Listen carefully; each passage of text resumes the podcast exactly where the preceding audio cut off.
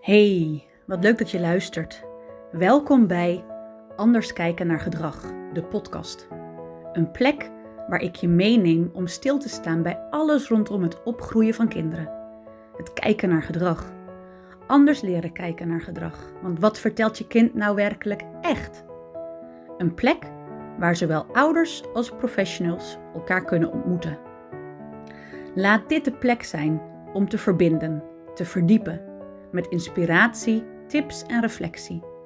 Waar onderwerpen aan bod komen om jouw kind te blijven ondersteunen bij de sociaal-emotionele ontwikkeling, zodat plezier en geluk de drijfveer blijft van de persoonlijke keuzes op weg naar volwassenheid. Ik heb er zin in. Veel luisterplezier. Leuk dat je er bent. Je kunt uh, kijken, je kunt luisteren. En zoals je misschien wel ziet achter mij, heb ik een heerlijk comfortabel plekje uitgezocht om vandaag nog meer inhoud te delen. Inhoud te delen over dat wat jouw kind beweegt. Want dat wat jouw kind beweegt kan de essentie zijn van gedrag of van de vraag achter beweging, achter waarom je kind doet wat je doet. En heel vaak hoor je nu de laatste tijd de woorden overprikkeld, vol hoofd langskomen. En ik neem je mee in die termen. Ik neem je ook mee zomaar random. Ik heb geen lijstje hier van dat wat ik vandaag met je moet delen. Dat wat ik sowieso wil vertellen. Ik vertel nu wat er in mij nu naar boven wil komen. En daarbij ga ik eerst in op eigenlijk wel een heel ander voorbeeld. Waarbij ik vanuit daar de vertaalslag kan maken. Want afgelopen zondag was ik samen met mijn zoontje naar een uh, lammetjesboerderij. Of naar een um, schapenkudde. En die hadden de lammetjesdagen. Lammetjesdagen omdat er veel lammetjes geboren zijn. En ze straks samen met de kudde de wei en de velden ingaan. Maar het nu natuurlijk super lief en leuk is voor alle kinderen. Om lammetjes te voeren, lammetjes te aaien. En ik denk eerlijk gezegd niet alleen maar voor kinderen, maar ook voor de ouders, of althans ook voor mij erbij. En het was druk, veel kinderen, veel mensen, dus niet alleen maar kinderen, maar ook ouders. En dus ook een hoop lawaai. Naast al heel veel um, schapen in verschillende hokken die in het bedrijf stonden en aanwezig waren. En in vol enthousiasme zijn wij een van de hokken ingegaan om de lammetjes te voeren. En wat ik daar zag is dat er inderdaad een heel aantal lammetjes heel graag lekker nog wat melk hebben willen drinken. Maar ik zag ook lammetjes en wat grotere schapen bij elkaar liggen, een beetje afgezonderd. Te slapen, nam ik aan, of te rusten. En eenmaal klaar bij aaien, aaien van de verschillende wollen, aaien van de verschillende vachten, de warmte voelen van de schapen, um, is Jip, mijn zoontje, gaan spelen. De hooischolder. En ehm, kon ik van een afstandje kijken wat er gebeurde en vooral ook wat ik waarnam. En wat ik waarnam was eigenlijk mega veel geluid. Geluid van alle kinderen, geluid van een holle omgeving, wat het geluid nog wat doet versterken. Ik zag heel veel beweging. Um, leuk om te spelen in die hooizolder, maar ook zoveel mensen waarbij het echt een plaatje leek als waar is.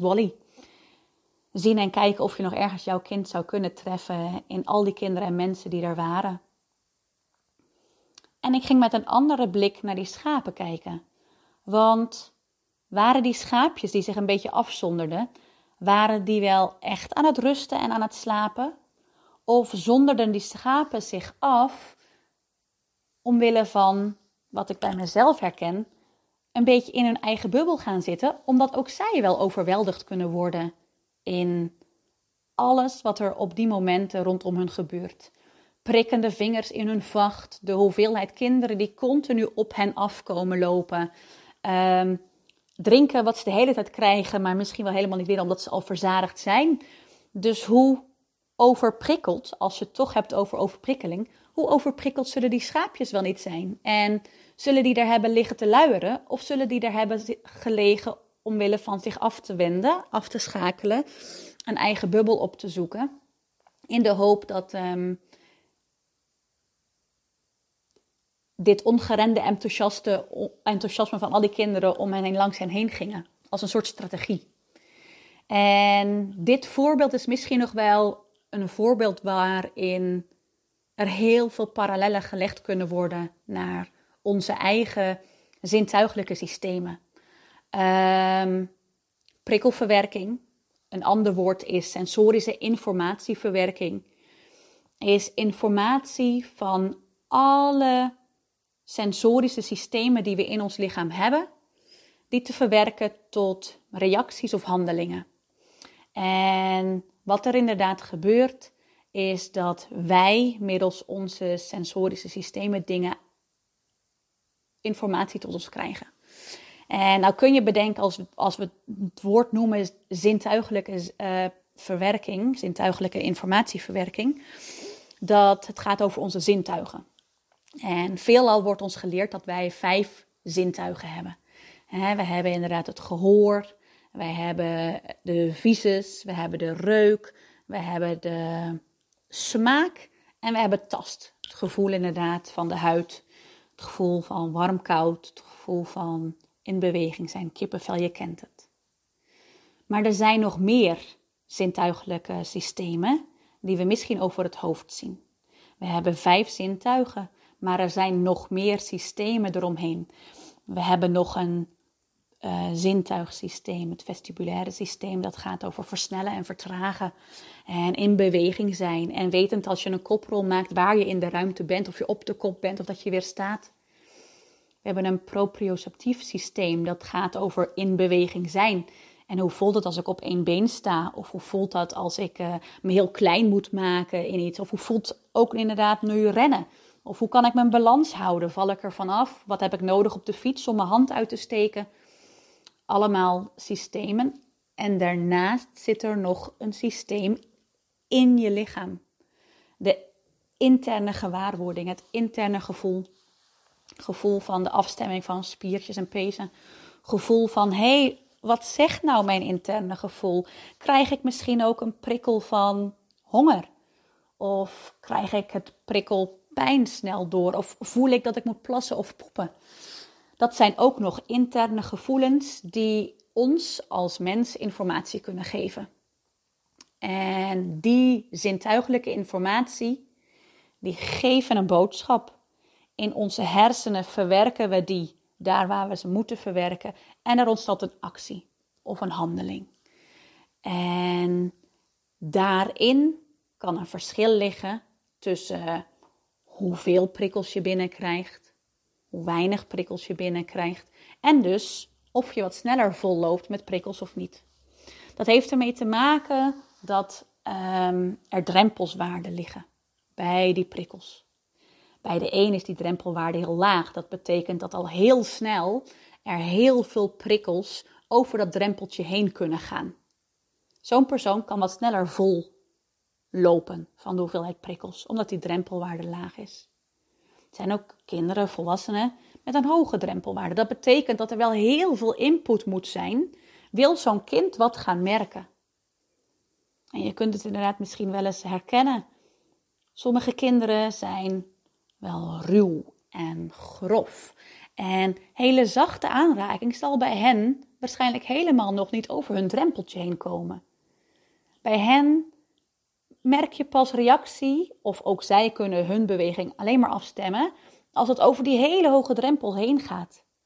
En dan is in dit geval het gedrag van deze kinderen vrij groot of hard, dus nog minder afgestemd. Maar waarom hebben we dat eigenlijk nodig? Waarom hebben we die zintuigelijke prikkelverwerking nodig? Het geeft ons ehm, informatie over of het hier veilig is, of we misschien moeten reageren op een handeling. En het geeft ons ook informatie over of het voor ons prettig is wat wij in een situatie kunnen doen. Want als mijn hoofd vol is, wil ik me wel heel graag wel afzonderen. Dus we hebben zintuigelijke informatie nodig en prikkelverwerking nodig. Het kost ons een stukje aandacht om er stil bij te staan. Het zorgt voor ehm, emotieregulatie en het geeft motivatie om iets te gaan doen. Het zorgt voor emotieregulatie door te weten inderdaad, nou, hè, hoe zit ik in mijn vel? Ben ik vol? Ben ik heel rustig? Moet ik even aangezet worden om tot actie te komen? En hoe gaat het er in mijn lichaam aan toe? Wat vraagt mijn lichaam om? Nou, wat we hebben. We hebben inderdaad die zintuigelijke prikkelverwerking. En we zien het bij zoveel kinderen. En zoals ik net het verhaal hoorde en vertelde van die schapen, daarin hoorde je al een heleboel. Je hoorde het geluid dat binnenkomt. Het geluid van en heel veel stemmen en een holle ruimte, een schelle omgeving, waardoor het geluid misschien wel nog wat extra en nog wat verdiepend binnenkomt. In zo'n andere omgeving, zo'n boerenomgeving, kan een ander kan ook nog wel getriggerd worden door de geur. Een, um, laat ik het netjes noemen, een, een plattelandsgeur. Voor de een is dat normaal, is dat prima. De ander kan het vrij intens ervaren. Ik vertelde je over dat ik het spelen in die hooiberg zag als een soort waar is Wally verhaal. Voor mij was dat overweldigend, dat wat ik allemaal zag. Um, je hoorde mij vertellen dat ik een heleboel, of ook de schapen een heleboel kunnen voelen. Uit enthousiasme, bij de allereerste kennismaking met al die lammetjes, voelde ik de verschillende vachten. Was het tast, tastzintuig. Ik voelde de kleine krullen, ik voelde grote krullen. Ik voelde de prikkeling van hooi waar ik op zit. Ik voel de warmte van het flesje de melk en ik voel de warmte van het schaap. Zoveel kleine dingen al die met tast te maken kunnen hebben. Dus zo zie je maar dat in één omgeving er ook wel een combinatie van een heleboel zintuigelijke um, input bij elkaar kan komen. En dat maakt dat je nooit um, te gevoelig bent voor één zintuig. Is altijd een combinatie van waar ik bijvoorbeeld heel gevoelig kan zijn voor dat wat er auditief binnenkwam. Ik word geprikkeld, ik word ook sneller geprikkeld, ik word onrustig als ik um, veel geluid om me heen hoor of heel veel soorten geluid. Dus in dit geval een schelle omgeving. Ik hoor lammetjes, ik hoor de metalen geklepper van de schaapskooi. Ik hoor mensen praten. Er is zoveel. Dat geroezemoes. Ik ben echt gevoelig voor auditieve prikkeling. Dat betekent dat mijn drempelwaarde voor de auditieve informatie wat binnenkomt laag is. Maar ik ben wat dat betreft, de reuk ging voor mij prima. Dat wat ik zag was voor mij ook goed. Het is gewoon graag dat ik in dit geval mijn kind in de gaten wil houden, dat ik weet waar die is.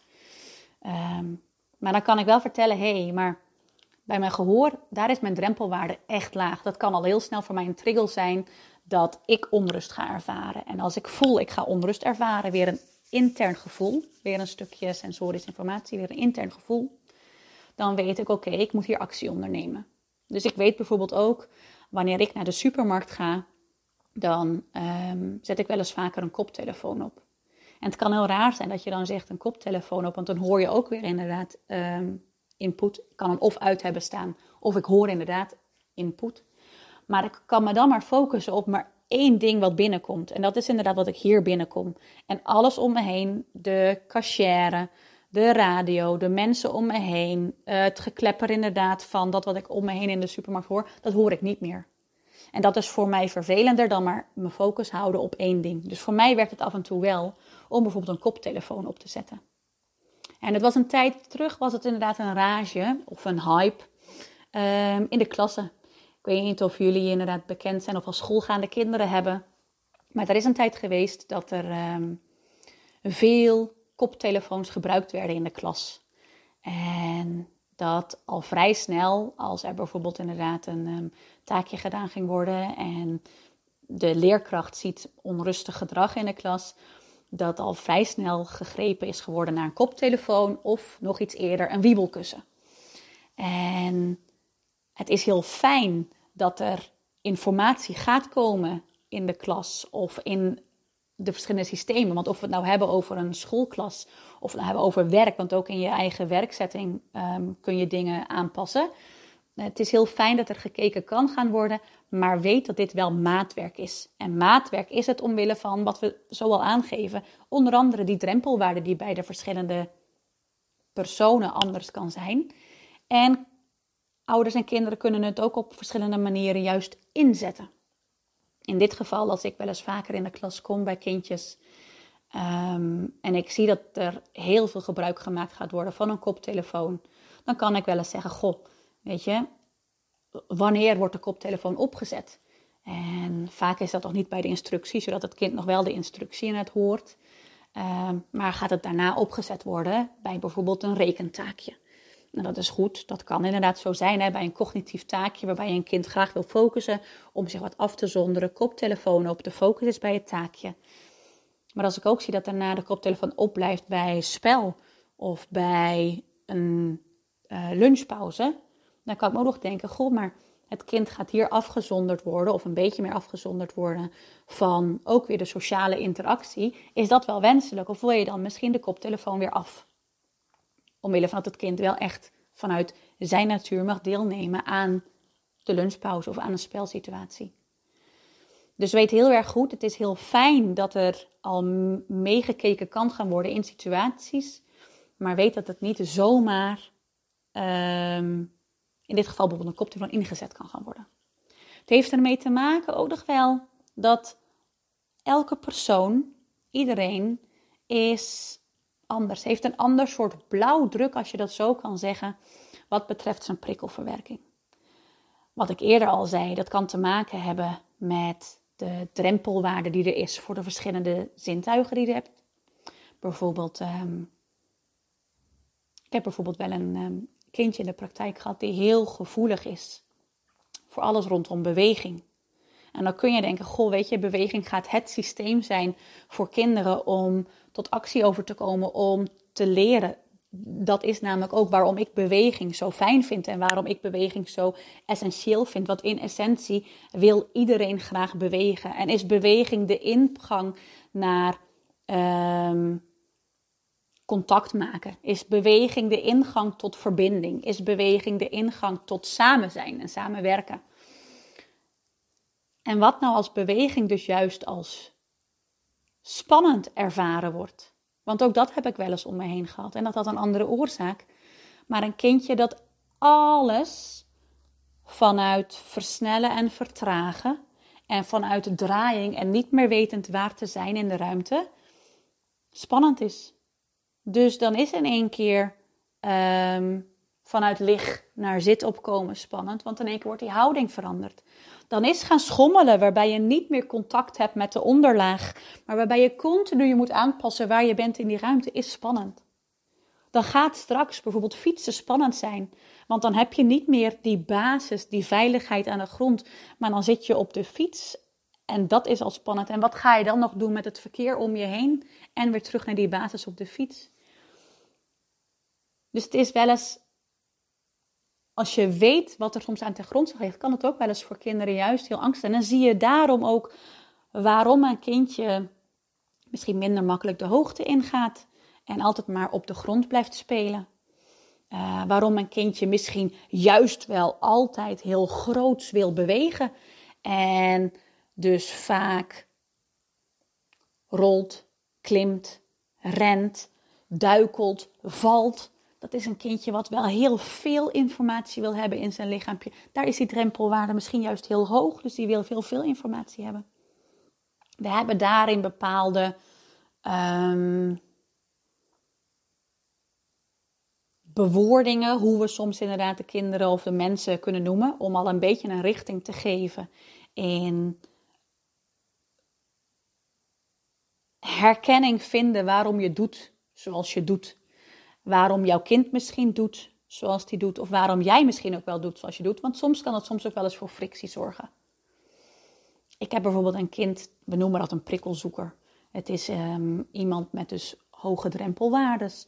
Dus er moet veel beweging inkomen Of de beweging die hij wil, is beweging waarbij hij veel druk ervaart, zodat het goed binnenkomt. Alles is veel en groots wat er bij hem binnen gaat komen. Een enthousiasteling en druk in beweging. Waarbij ik ook wel in mijn profiel dit heel leuk vind, maar ik heb ook een paar lage drempelwaarden. dat betekent dat soms, in dit geval bij mij dus auditief, als er heel veel binnenkomt, dus heel veel hard geklets, veel geklets, continu geklets, uh, veel geluid aan, ja, dan, dan ben ik klaar. Dus bijvoorbeeld, als ik in de auto zit en wij zijn aan het rijden in het campertje naar vakantie of wat dan ook, en ik hoor de hele tijd naast mij wat je maar kan bedenken, van de kleur auto naast mij tot de wens van een auto, tot het zien van de trekker en allemaal maar benoemen en vertellen, dan kan ik klaar zijn. Want ik heb de focus op de weg, op de, niet per se de planning en organisatie, maar wel daar waar ik in het moet zijn. Ik heb dus inderdaad voor mijn doen, samen met Jip, een goede strategie bedacht. Ik heb mijn focus hierop en ik ben gevoelig voor alles wat er zo binnenkomt. Hij heeft wel graag informatie. Ik zet hem een luisterboek op, op de koptelefoon. Hij luistert daarnaar en ik kan mij concentreren op de weg. Misschien niet altijd even fijn, het zijn ook niet lange tijden aan één, maar wel wat er soms gebeurt. En dan is het nog wel leuk om hierop aan te haken, want ik hoor dat wel vaker. En ik merk dat wel in de praktijk ook, juist bij kinderen, om ze soms te reguleren. Te reguleren na school, te reguleren van een druk moment, is, ehm, ik zei in dit geval een luisterboek, maar wordt er wel eens inderdaad een scherm aangeboden. En een scherm, zoals inderdaad even de computer of de televisie. Daarvan kan dan gedacht worden: hé, hey, maar als mijn kind al zo overprikkeld is, dan krijgt hij ook een scherm met felle kleuren, veel in beweging, uh, ziet van alles en hoort ook nog van alles. Dat is vast wel misschien nog druk, drukmakender. Niet voor elk kind heeft weer te maken met die drempelwaarde. Dus kijk hoe jouw kind reageert. Maar het kan juist zo zijn dat een schermpje ook regulerend kan werken. Want als je overprikkeld raakt, als er te veel zintuigelijke informatie in jouw systeem komt waarbij je volloopt, dan wil je graag ergens weer iets gaan reguleren. En een schermpje kan dus reguleren. Omdat dan niet de hele omgeving in de gaten gehouden hoeft te worden. Niet geluid van de hele omgeving tot je binnenkomt. Niet de bewegingen van jouw broertjes en zusjes of alles wat je nog om je heen ziet binnenkomt. Maar je kunt je focussen op één schermpje en één soort geluid. En soms kan het juist regulerend werken. Want hoe zie je dat nou eigenlijk als een kind of als jij zelf overprikkeld raakt? je kunt het vaker zien dat er ehm, de mate van flexibiliteit vermindert. Dus het luisteren gaat misschien minder goed. Het reageren op, op dat wat gezegd wordt gaat minder. Um, kinderen kunnen juist nog drukker worden om misschien wel juist die overprikkeldheid die er is um, te overstemmen. Daar heb ik nog wel een grappig voorbeeld van. Ik was um, naar, de, naar de Sinterklaasviering in een pietenhuis. En daarbij mochten de kinderen meedoen met allerlei activiteiten. En de laatste activiteit was dus nog een optreden van een paar pieten op het podium. En ik zag mijn prikkelzoeker, die dus altijd al heel veel informatie tot er heel veel wil en doen. Ik zag hem niet eens meer meedansen. Ik zag hem geen focus hebben naar het podium toe, wat ook helemaal niet hoeft. Maar ik zag hem keihard rondjes rennen. Rondjes rennen rondom een paar stoelen, eronder duiken. En ik dacht, wow, wat ben jij inderdaad heel druk bezig. En pas later kwam ik erachter toen ik weer daarop terug kon kijken dat ik dacht, hé, hey, maar vond ik dit nou bijzonder omdat hij helemaal niet meedeed met die pieten op het podium? Of had ik nou gedacht dat hij eigenlijk wat anders moest doen? Of kan ik het zo interpreteren dat dit gedrag is, wow, dit hoofdje was al zo vol en niet wetend hoe dat te regelen, niet wetend hoe daarmee om te gaan, kan ik mezelf misschien maar nog drukker maken. Want dan kan ik in ieder geval mezelf regisseren. Weet ik wat ik doe dat ogenblik.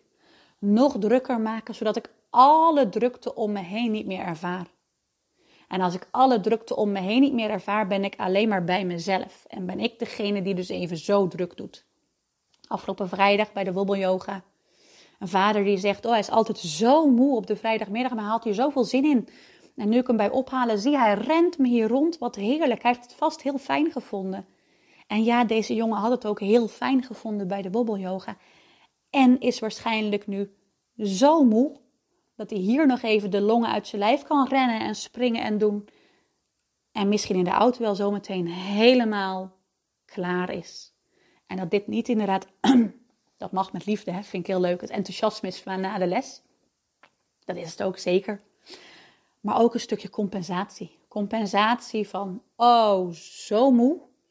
Ik maak mezelf nog even drukker. Ik kan mezelf namelijk regisseren in het rondrennen, in het doen. En zo meteen geef ik eraan toe en ben ik klaar. Overprikkeling. Ja, wat kan het dus zijn? Boosheid, weersgedrag, niet meer luisteren, sneller huilen, um, verlegen zijn, schuchter inderdaad, hoekjes gaan opzoeken. Want het kan voor elk kind anders zijn. Een kind wat een toeschouwende rol eigenlijk heeft, die dus heel veel kijkt, heel veel observeert en dan pas meedoet aan iets. Waarbij het dus heel fijn is om bij zo'n kind een, een buddy, een maatje te plaatsen, zodat zij samen de acties in de klas gaan doen. Dus jouw kindje die eigenlijk niet reageert op uh, het is nu pauze, pak je broodtrommeltje, maar iedereen naar de gang ziet gaan om zijn broodtrommeltje te pakken. En dan bedenkt, oh ja, dit is er gezegd, ik mag mijn broodtrommel pakken en erachteraan gaat. Hoe fijn is het als dat kindje een buddy, een maatje krijgt die hem of haar meeneemt, waarbij je dus al weet, oké, dit gaat er nu gebeuren. Dat kindje kan dan, als het zo vol is, ook denken, ja, maar kom niet meer tot actie. Ik kruip nu helemaal in mijn schulp. Ik ga een fijn klein plekje opzoeken en dat is wat er gebeurt. Ik zonder me af. Zo zijn er veel meer dingen wat gebeurt bij overprikkeling. En overprikkeling om weer te reguleren gebeurt of soms inderdaad met boosheid als het te veel is, als het emmertje te vol is. Maar reguleren kan dus op een heleboel verschillende manieren. En ik denk dat het daar heel fijn voor is om een andere podcast over op te nemen. Ik ben ook nu alweer best lang aan het praten. Ik ga hem zo meteen afronden. Maar ik vind het nog heel belangrijk om ook wel te noemen. Ik noem nu heel veel overprikkeling, uh, reguleren van prikkels, drempelwaardes. Ik heb je een beetje een inzage gegeven in, het, in hetgeen wat jouw kind beweegt, wat jou beweegt. Al die informatie die tot je komt. Maar er is ook nog zo'n term als onderprikkeling. En die term wordt nog wel eens vaker vergeten, maar onderprikkeling kan er ook ontstaan. Want als jij in een taak, op het werk, ehm, tijdens het lang aanwezig zijn van een bij het bijwonen van een presentatie, luisteren naar een klassikale uitleg en moeten starten met je eigen taakje. Er kan soms sprake zijn van onderprikkeling.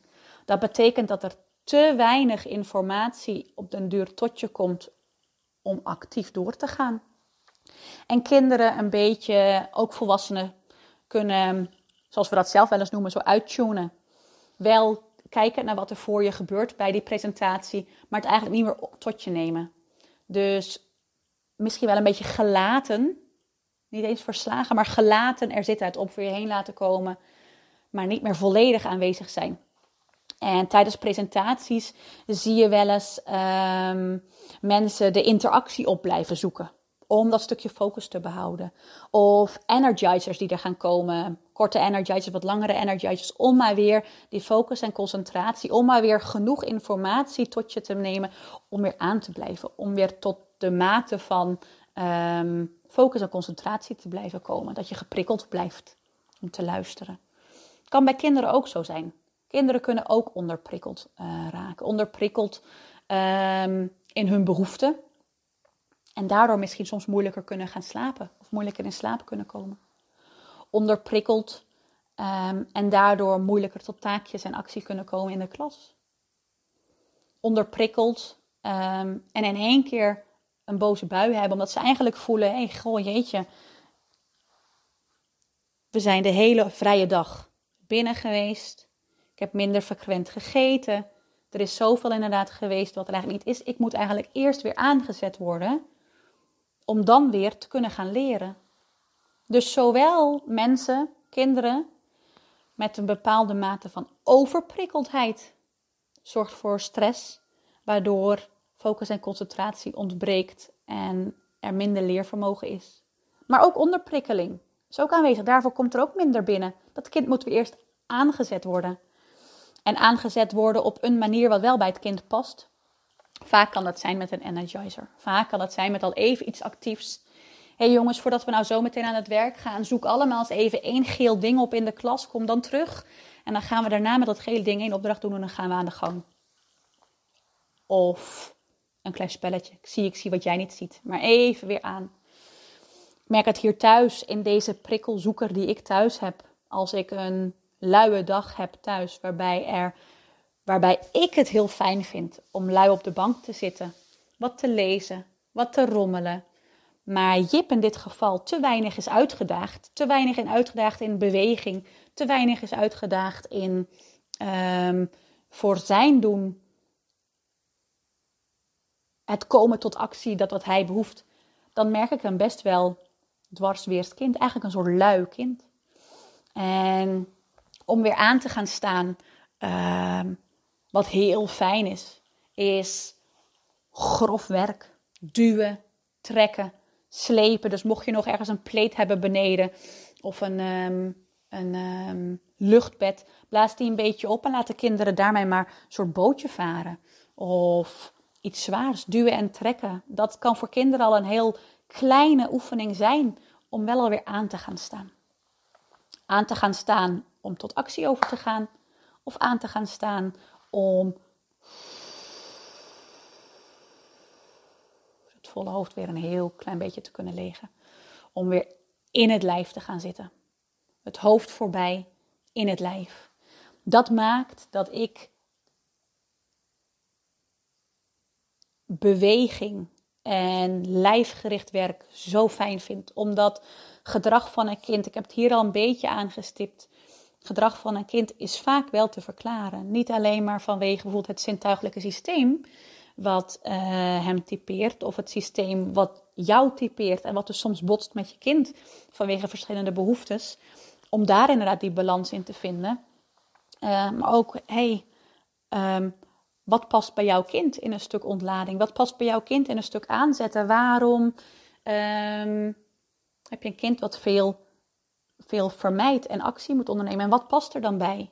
Wat past bij een vermijdend kind? Dat kind mag op uitnodiging mag er zijn. Dat kind mag zijn eigen ding heel goed gaan doen. Want als, als daar plezier uitgestraald gaat worden, dan komt een ander kind er wel weer bij. En dan zo wordt er weer aangehaakt. Dit kind bereik je niet door te pushen.